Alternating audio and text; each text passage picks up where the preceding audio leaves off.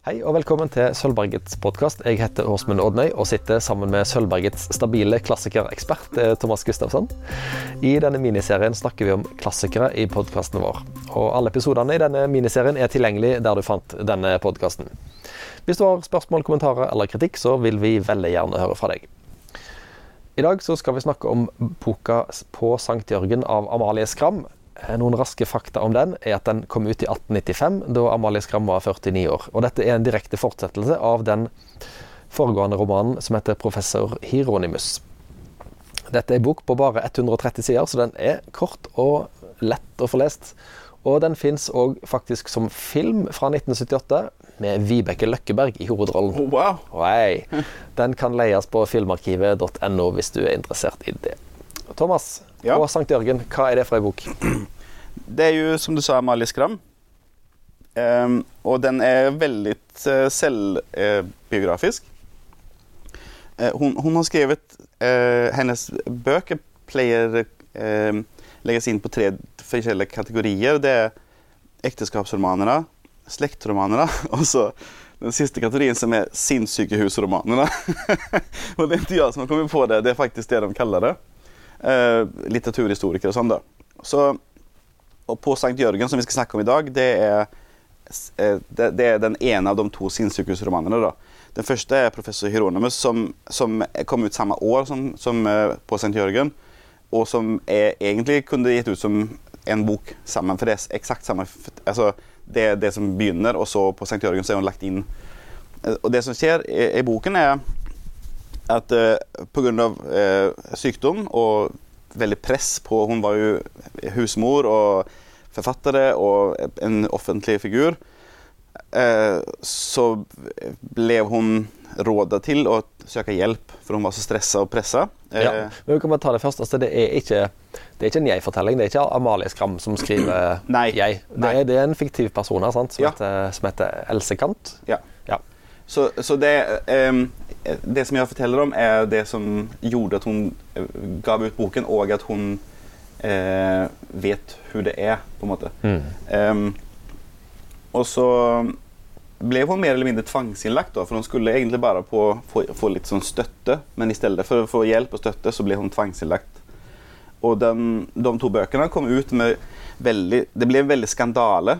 Eh, det ble såpass mye skandale at han eh, eh, Overlegen på Den faktiske overlegen Pom Poppidam eller et eller annet sånt het han. Ja. Han, han avgikk fra, som, eh, som overlege på det sykehuset fordi alle skjønte at det var han, og folk syntes det var forkastelig sånn som folk ble behandla.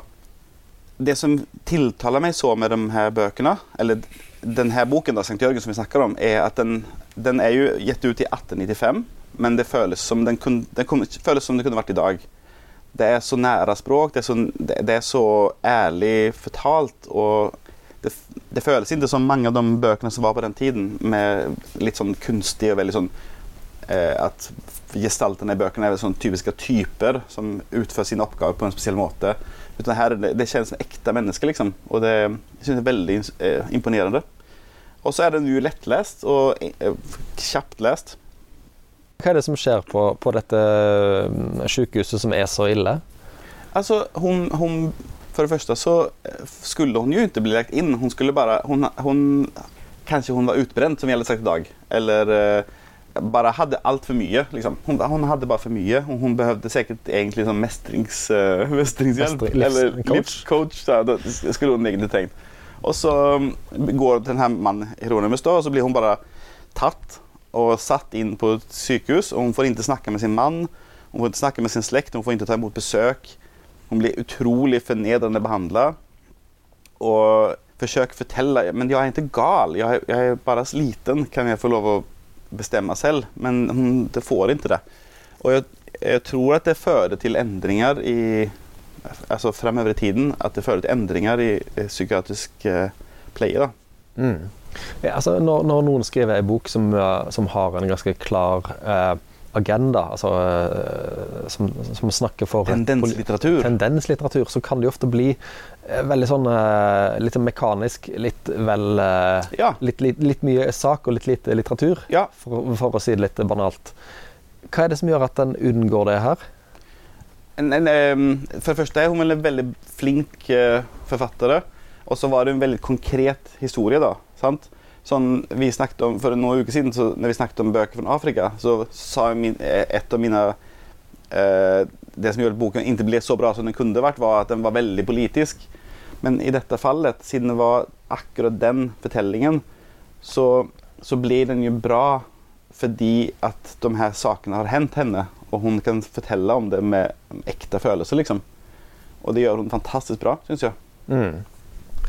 Har du läst några andra böcker i samma terräng? Alltså typ, typ Gökeredet eller uh, Prozac Nation eller uh, Glassklockan av Sylvia Plath? Ja. kan du säga något om likheter med de?